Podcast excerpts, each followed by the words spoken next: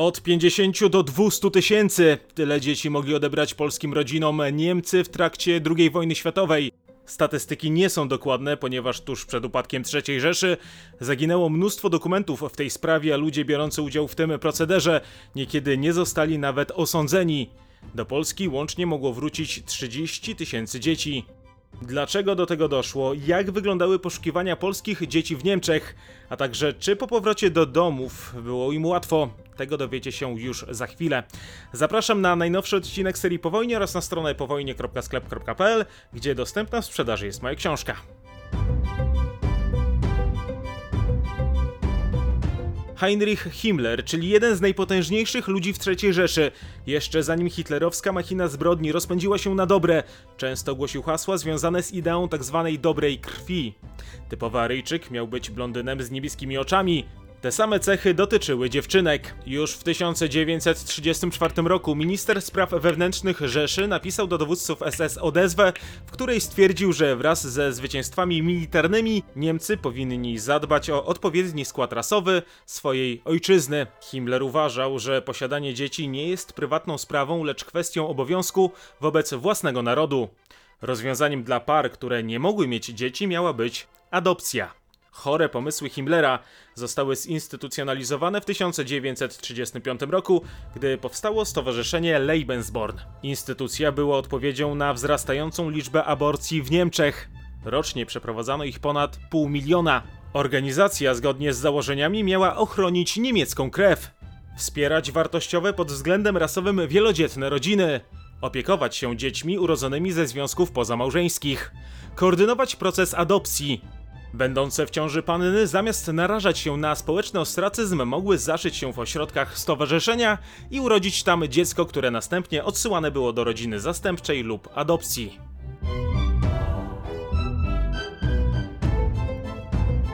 Zakres obowiązków Lebensbornu zwiększył się wraz z rozpoczęciem się wojny. W gabinetach najważniejszych osób w III Rzeszy pojawiły się pomysły, aby przesiedlić z terenu napadniętej Polski rasowo-wartościowe dzieci i wychowywać je na wiernych Hitlerowi Aryjczyków. Germanizacja miała być przeprowadzana w specjalnych ośrodkach. Komisarzem Rzeszy do spraw umocnienia niemieckości został Heinrich Himmler. W 1940 roku opracował on wstępne wytyczne dotyczące programu rabunku dzieci. Pojawiły się też wskazówki, jak mają być traktowani najmłodsi Polacy. Na zajętym terytorium miały istnieć wyłącznie czteroklasowe szkoły powszechne. Edukacja na wyższym poziomie wymagała wyjazdu do Rzeszy. Poza tym raz do roku miała odbywać się powszechna selekcja odpowiednich rasowo dzieci w wieku od 6 do 10 lat. Tym sposobem po 10 latach na terenie Polski miały pozostać jedynie osoby bez aryjskich cech, które w przyszłości miały stać się tanią siłą roboczą dla tak zwanej rasy panów.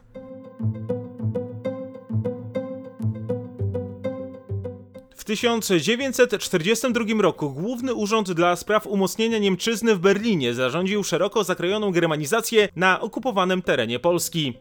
Wkrótce miała rozpocząć się weryfikacja prowadzona wśród najmłodszych Polaków pod kątem tego, czy nadają się do zniemczenia. Prowadzili ją niemieccy eksperci, którzy zwracali uwagę przede wszystkim na wielkość i kształt poszczególnych części ciała, a także kolor włosów i oczy. Do akt osobowych trafiały też trzy fotografie.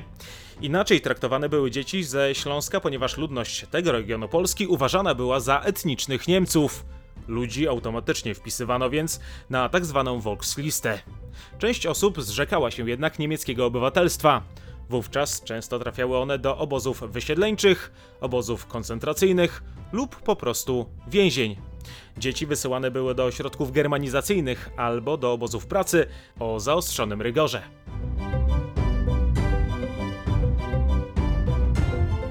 Proceder odbywał się na ściśle określonych zasadach. Zakwalifikowane jako odpowiednie rasowo dzieci w wieku od 2 do 6 lat od razu wysyłane były do rodzin zastępczych. Starsze trafiały do specjalnych ośrodków, gdzie miały przejść przyspieszoną germanizację. W tak zwanych dziecięcych wioskach niszczono ich metryki urodzeń, zastępując nowymi. Wszystkie otrzymywały też nowe niemiecko brzmiące nazwiska. Jednocześnie dzieci odbierano również w związku z przesiedleniami. Na masową skalę zaczęły być one realizowane przez Niemców późną jesienią 1942 roku. Jeżeli rodzina opierała się germanizacji i jednocześnie nie zgadzała się zmienić swojego miejsca zamieszkania, wówczas rodzice trafiali do obozów koncentracyjnych, a dzieci były im odbierane. Do zorganizowanej na ogromną skalę akcji doszło na Zamojszczyźnie. Od listopada 1942 roku do sierpnia 1943 roku wysiedlonych zostało ponad 100 tysięcy Polaków. Przedsięwzięcie było częścią realizacji założeń Generalnego Planu Wschodniego, czyli operacji przesiedlenia kilkudziesięciu milionów Słowian z Europy Środkowo-Wschodniej. W ich miejsce mieli przybyć niemieccy kolonizatorzy. W ramach akcji Zamość prowadzona była też rekrutacja odpowiednich rasowo dzieci. Dzieci były oddzielane od rodziców, a następnie stawały przed komisjami lekarskimi, których eksperci określali, czy posiadają nordyckie rysy. Z meldunków polskiego podziemia wynika, że z Zamościa transporty z dziećmi jechały w kierunku Warszawy oraz terenów wcielonych do III Rzeszy. Niewykluczone, że kilkaset dzieci trafiło też do specjalnego ośrodka w Łodzi. Niemcy przejmowali też maluchy przebywające w zakładach opiekuńczych oraz w rodzinach zastępczych. Do III Rzeszy wywożone były też dzieci ludzi zamordowanych w obozach koncentracyjnych. W Łodzi przy ulicy Przemysłowej powstał specjalny obóz z przeznaczeniem dla nieletnich. Zazwyczaj przebywało w nim nie więcej niż tysiąc osób. Pod groźbą dotkliwej kary zakazywano im mówić po polsku. Na ścianach wisiały wszędzie portrety Adolfa Hitlera. Wyselekcjonowane tam dzieci najpierw przenoszono do specjalnego podobozu, gdzie mogły liczyć na nieco lepsze traktowanie, a następnie zabierane były do kolejnych ośrodków germanizacyjnych, m.in. w Kaliszu. Dopiero po tym etapie indoktrynacji uznawane były za przydatne niemieckiemu społeczeństwu. Niekiedy trafiały też do domów dziecka na terenie III Rzeszy. Zmieniano im nazwiska. Młynarczyk zostawał Millerem, a Sosnowski Sosemanem. Rodzeństwa były rozdzielane. Drugi ośrodek znajdował się w neorenesansowym pałacu w Pogrzebieniu. Komisje ekspertów rasowych odwiedzały też Polenlagry, czyli obozy dla Polaków powstałe na Śląsku. Natomiast pierwsze ośrodki Lebensbornu pojawiły się na terenie okupowanej Polski już w 1940 roku. Powstały w Bydgoszczy, Krakowie, Helenówko obok Łodzi, Smoszewie niedaleko Krotoszyna, Otwocku i Połczyn-Zdroju. Kobiety, które się tam znalazły po przeprowadzeniu badań rasowych były zmuszane do stosunków seksualnych z SS-manami. Po zajściu w ciążę były wywożone do Rzeszy, gdzie miały urodzić dziecko. Łącznie we wszystkich ośrodkach Lebensbornu w Polsce na świat przyszło ponad 10 tysięcy dzieci. Choć w Niemczech do 1943 roku obowiązywał zakaz aborcji, dopuszczano ją w przypadku pracownic przymusowych. Formalnie wniosek o jej przeprowadzenie miała zgłosić sama kobieta. Często jednak odbywało się to w ten sposób, że wręczano jej stosowny formularz i zmuszano do podpisania go pod groźbą wysłania do obozu koncentracyjnego. Jednak w lipcu 1943 roku polityka niemieckich władz uległa zmianie. Hitlerowska machina propagandowa uznała, że odpowiednie pod kątem rasowym dzieci zrodzone z robotnic innych narodowości można zachować dla narodu niemieckiego i wychowywać na dobrych Niemców. Noworodki trafiały albo do specjalnych zakładów opiekuńczych, albo prosto do nowych rodzin. Ciężarne kobiety znajdowały się pod opieką Lebensbornu i zmuszane były do oddawania dzieci. Skala przedsięwzięcia musiała być ogromna. W Rzeszy pracowało w czasie wojny ponad 2 miliony pracowników przymusowych z Polski. Do dzisiaj nie odnaleziono dokumentów, które pozwalałyby określić dokładną liczbę zrabowanych dzieci. Pod koniec wojny pracownicy Lebensbornu skutecznie niszczyli ślady swoich działań. Również alianci niespecjalnie zadbali o zabezpieczenie dowodów tej zbrodni. Dużo dokumentów znajdowało się w Urzędzie Stanu Cywilnego w Monachium. Amerykanie po dotarciu na miejsce zapakowali je do sześciu skrzyń. Z ustaleń historyków wynika, że kilka miesięcy później załadowana nimi ciężarówka została zatrzymana przez amerykańskich żołnierzy, którzy uznali, że nie stanowią one żadnej wartości, a następnie wyrzucili je do rzeki. Zauważyli to jugosłowiańscy oficerowie akredytowani w amerykańskiej strefie okupacyjnej. Spodziewając się, że mogą mieć jakąś wartość, zaczęli je wyławiać. Na dokumentach znajdowały się tabelki ze słowiańsko brzmiącymi nazwiskami. Niestety udało im się uzyskać zaledwie część zbiorów Lebensbornu. O swoim znalezisku poinformowali okupacyjne władze, wierząc, że sprawa wkrótce nabierze rozpędu.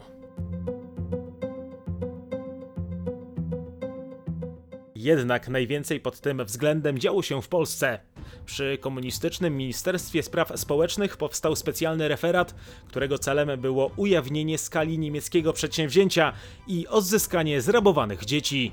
Jego szefem został adwokat Roman Hrabar, który całkowicie poświęcił się tej sprawie.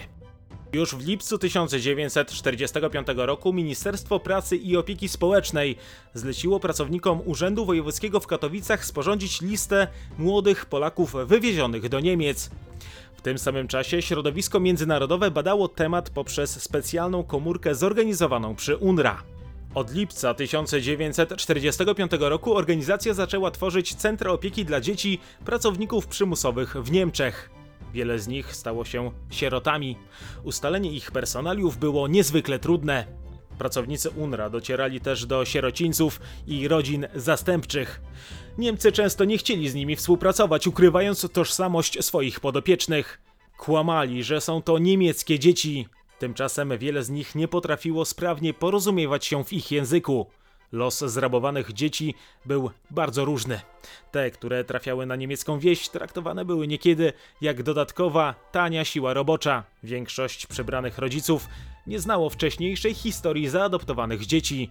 Jeżeli te pytały ich, co stało się z ich biologicznymi rodzicami, zazwyczaj mówili im, że ci nie żyją. Tymczasem do UNRWA docierało coraz więcej informacji o rodzicach poszukujących w Niemczech swoich dzieci. Aby usprawnić poszukiwania, przy organizacji powstało specjalne biuro. W połowie 1946 roku z Polakami skontaktowała się Ellen Blackie, czyli dyrektorka głównej kwatery poszukiwań dzieci UNRWA na Europę. Liczyła, że odnajdzie w Polsce dokumenty, które pomogą jej w zidentyfikowaniu dzieci przebywających w Niemczech. Hrabar starał się z nią współpracować. Wspólnie, krok po kroku, gromadzili kolejne niemieckie akta, m.in. pochodzące z zakładów wychowawczo-poprawczych, będących wcześniej pod zarządem SS. Hrabar, poszukując polskich dzieci, wyjechał w 1947 roku do Niemiec. Nie miał dużego wsparcia finansowego ze strony polskich władz. Warunki pracy na miejscu były ciężkie również z innego powodu. Okupacyjne władze alianckie niespecjalnie mu pomagały. Często słyszał od nich, że dzieci Volksdeutschów, choć ich rodzice nadal przebywają w Polsce, teraz są już Niemcami.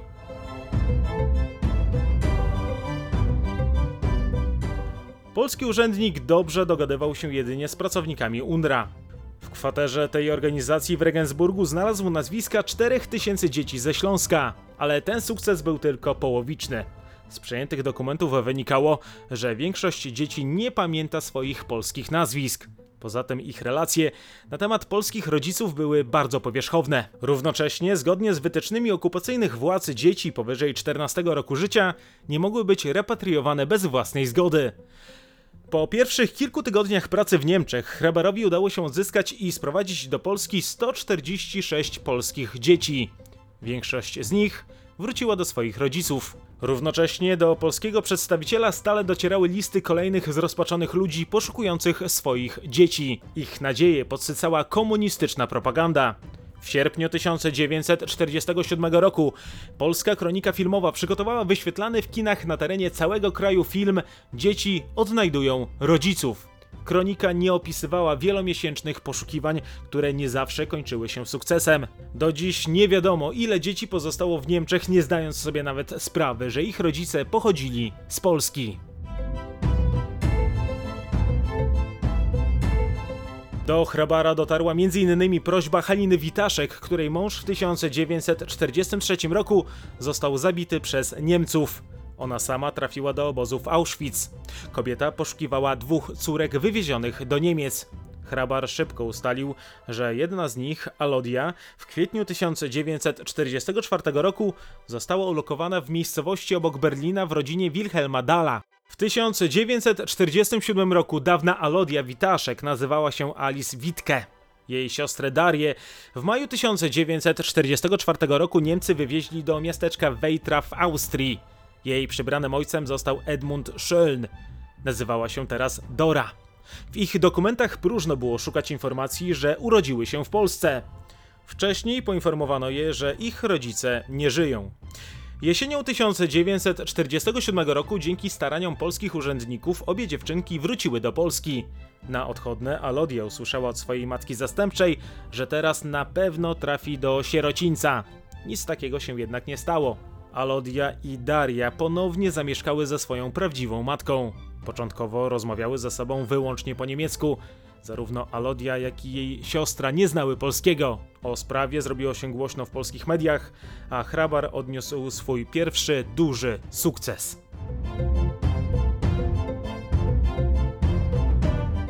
O odnalezieniu polskich dzieci w Niemczech często decydował przypadek. Zdarzały się sytuacje, gdy o prawdziwym pochodzeniu nastolatków dowiadywano się dopiero wtedy, gdy trafiał on przed sąd dla nieletnich po popełnieniu przestępstwa.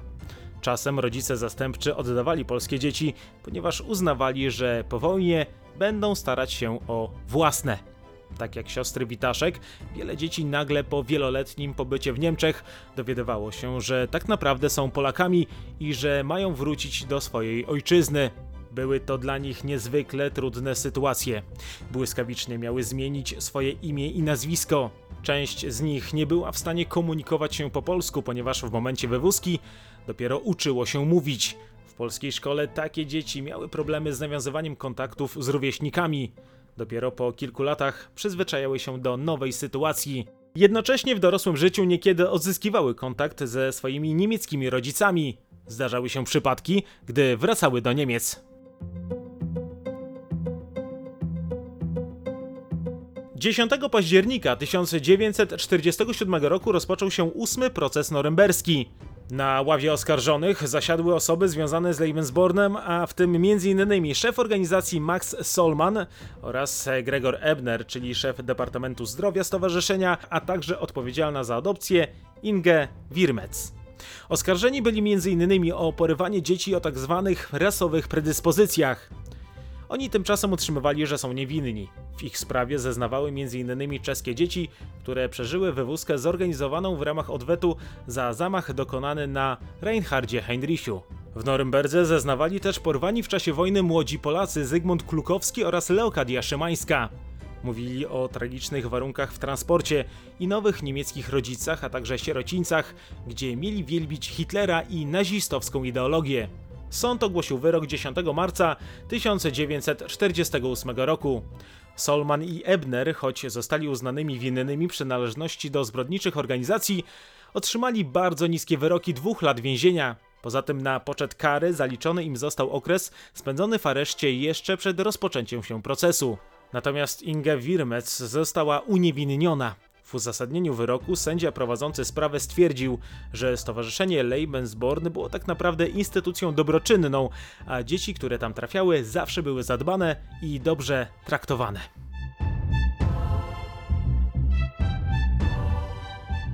Relacje przedstawicieli Polski Ludowej z aliantami zachodnimi załamały się, gdy doszło do blokady Berlina.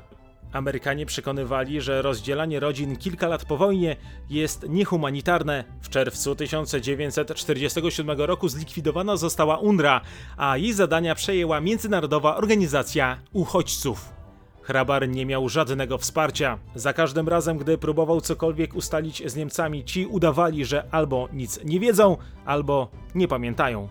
W 1948 roku Hrabar wrócił do Polski, choć w Niemczech pozostali jego współpracownicy. Z czasem jednak i oni opuścili kraj sąsiada. Ciągle brakowało dokumentów i śladów, które mogłyby pomóc w zlokalizowaniu wywiezionych przez Niemców dzieci. Tymczasem od 1949 roku to niemieckie, a nie alianckie sądy zaczęły decydować o karach za popełnione w czasie wojny zbrodniach. Choć robiły to zgodnie z narzuconym przez aliantów ustawodawstwem, to wyroki stały się zdecydowanie łagodniejsze. Ludzie odpowiedzialni za rabunek dzieci zaczęli być wypuszczani z więzień, a uzyskanie od nich jakichkolwiek informacji stało się niezwykle trudne. O ich sprawiedliwym osądzeniu w zasadzie nie było już mowy. W 1950 roku na terenie Niemiec oficjalnie zarejestrowanych było co najmniej 3000 bezpaństwowych dzieci. Hrabar doskonale zdawał sobie jednak sprawę, że jest to liczba bardzo zaniżona. Po powrocie do kraju rozpoczął praktykę adwokacką w Katowicach. Co jakiś czas wracał jednak do tematu zrabowanych polskich dzieci. Nadal pomagał wielu rodzinom. Wspierał też sieroty, które powróciły do Polski w odnajdywaniu prawdziwych matek i ojców. Powroty do Polski realizowane były jeszcze na początku lat 50., choć z roku na rok było o to coraz trudniej. Temat zrabowanych polskich dzieci w gąszczu wielu innych spornych kwestii w związku z zimną wojną zszedł na dalszy plan. Niemieckie urzędy żądały od Polaków dowodów uzasadniających zwrot dziecka i udowadniających jego pochodzenie.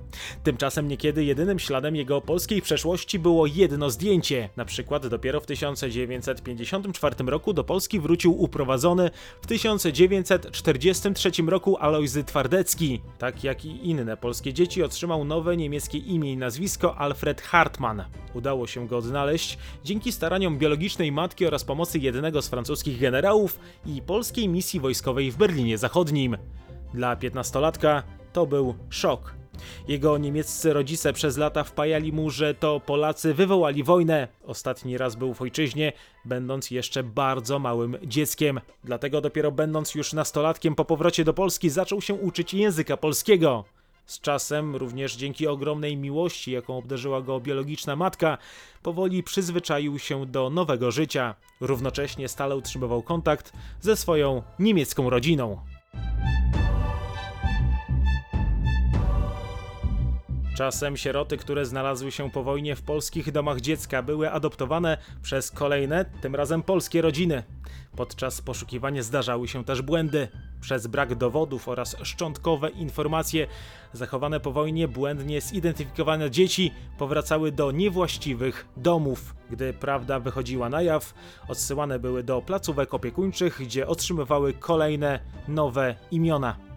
Taka sytuacja spotkała m.in. Zdzisława Oberbeckiego. Jego polska matka, która jak się okazało faktycznie nią nie była, potem nie chciała utrzymywać z nim kontaktu.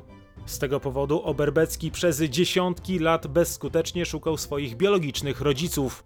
Media o polskich dzieciach porwanych przez Niemców w czasie wojny informowały nawet kilka dekad po jej zakończeniu. W latach 70. francuscy dokumentaliści dotarli do 30-letniej Eugenii Ewertowskiej, która w Niemczech figurowała jako Irena Evert. Kobieta nie chciała jednak rozmawiać z dziennikarzami. Twierdziła, że nie chce wracać do przeszłości.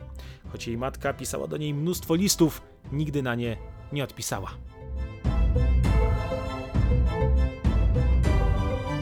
Na początku lat 90. Roman Hrabar udzielił wywiadu, w którym stwierdził, że do Niemiec mogło zostać wywiezionych nawet 200 tysięcy polskich dzieci.